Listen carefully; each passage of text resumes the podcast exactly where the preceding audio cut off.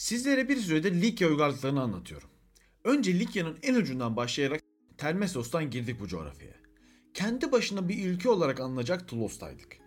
Daha sonra Likya medeniyetlerinin keşfedilmesinde çok önemli olan Likya'nın siyasi merkezlerinden biri olan Kısantos'taydık. Şimdi ise Kısantos'tan 10 dakikalık uzaklıkta Likya'nın en önemli dini merkezi olan Letuun'dayız. Beyaz yakalıların işinden istifa edip Ege'ye gitme hayalleri kurdukları zamanlarda çok sık geçtikleri yerlerden biri Likya yolu oluyor. Sanırım orada yürürken bu coğrafyadan ayrılmamalıyım diyor insan.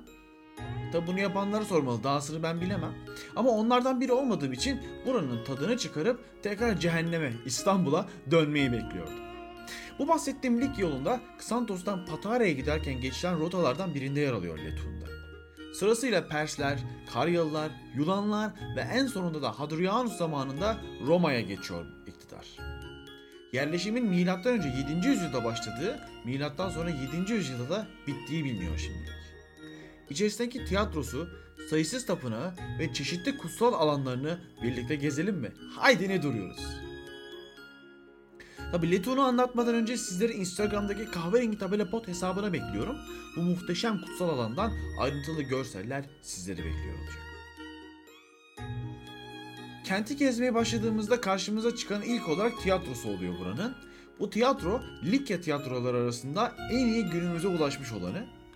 Sahne binası Sikene henüz kazılmamış olsa da orkestra ve kavea kısımları iyi durumda. Helenistik dönemde yaklaşık M.Ö. 2. yüzyılda inşa edildiği de sanılıyor. 7800 kişilik tiyatro çevre kentlerden tapınmaya gelen misafirlerini ağırlamak için oldukça yeterli büyüklükteydi. Tiyatroya seyirci alınan giriş kapıları da neredeyse ilk günkü haliyle duruyor. Yanından geçerken hani aman Allah'ım ne kadar devasa diyerek korkuyorum. Fakat e, yani e, 3-4 bin yıl önceki insanlar için belki de sıradan bir büyüklüktü bu. Tiyatroyu izleyerek gözlerimizi şenlendirdikten sonra karşımıza çıkan ikinci tabelada teraslar ve teras duvarları yazıyor. Şimdi birçok antik kentte bulunabilecek fakat hiç bilgilendirme panosu ihtiyacı duyulmayan bu yapıları merak edip dalıyorum işlerine. Bu teras burada bulunan ana kayanın tıraşlanması ile yerinde yapılmış. Likyalıların taş oyma ve şekil verme konusundaki ustalıkları zaten bilinirken bu bilgiye de ben şaşırmadım.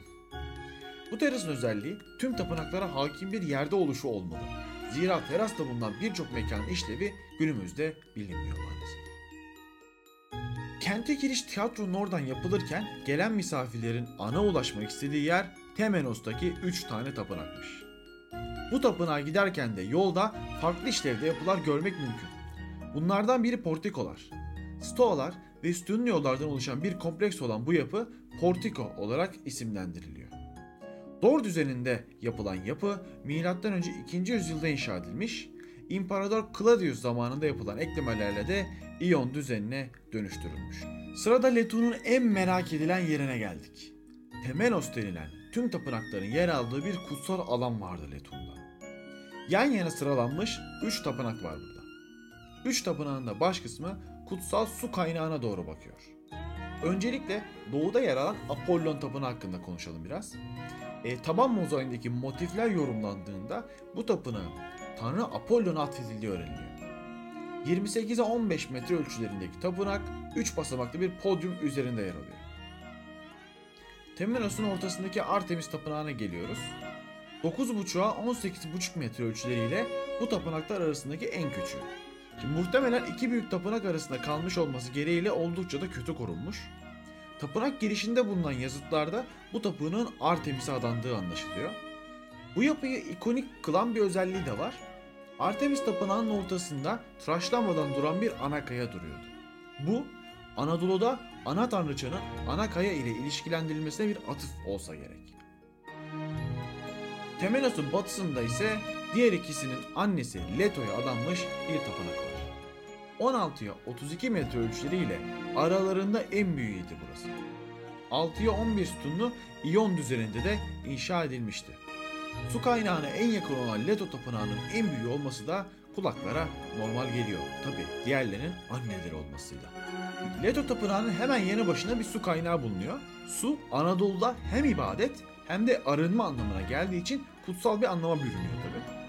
Bu kutsal anlama ithafen Letun'daki Likyalılar için de burası bir kutsal çeşme olacaktı. Letun Romalıların eline geçince İmparator Hadrianus adına buraya bir nimfaion inşa edilir. 16 metre çapındaki havuzlu çeşmenin bir mimari harika olduğu söyleniyor. Etrafında portikolar ve çeşitli mimari elemanlar da bulunurmuş. Hemen bu kutsal suyun yanında kutsal bir yol ve bir anıtsal giriş kapısı da mevcutmuş o zamanlar. Bu yol tapınakların önünden geçerek teraslara doğru devam eder ve portikolardan geçip tiyatroya ulaşırmış. Letun'da en son uğrayacağımız mimari yapı kilise oluyor. Temenos'un hemen önünde yer alan kilise erken Hristiyanlık dönemi kilisesi gibi duruyor. Arkasındaki Leto tapınağındaki taşlar kullanılarak yapılan kilisenin yapım tarihi milattan sonra 7. yüzyıl olduğu düşünülüyor. Yani kentin sonunun geldiği zamanlar. Hangi mevsimde gelirseniz gelin bu kutsal alanın yanı başını ve çeşmenin olduğu bölgeyi de su içinde göreceksiniz. Suyun yükseldiği mevsimlerde kullanılamadığı için de kilise terk edilmiş. Sizlere Kahverengi Tabela Podcast'te daha önce Fethiye Arkeoloji Müzesi'ndeki 3 dil yazıtı anlatmıştım. İşte o yazıt Letun kutsal alanından çıkarılmış. Bu yazıt Likçe, Aramice ve eski Grekçe dillerinde yazılmıştı. Kesin yapılış tarihi M.Ö. 358 yılı olduğu biliniyor. Ön yüzünde 41 satırlık Likçe, yan yüzlerden birinde 27 satırlık Aramice ve diğer yan yüzde 35 satırlık eski Grekçe yazı bulunuyor. Yazının içeriğinden öğrenilen bilgileri saymakla bitiremeyeceğim. Onu geçiyorum fakat bir de dil öğrenme açısından faydalarını konuşalım.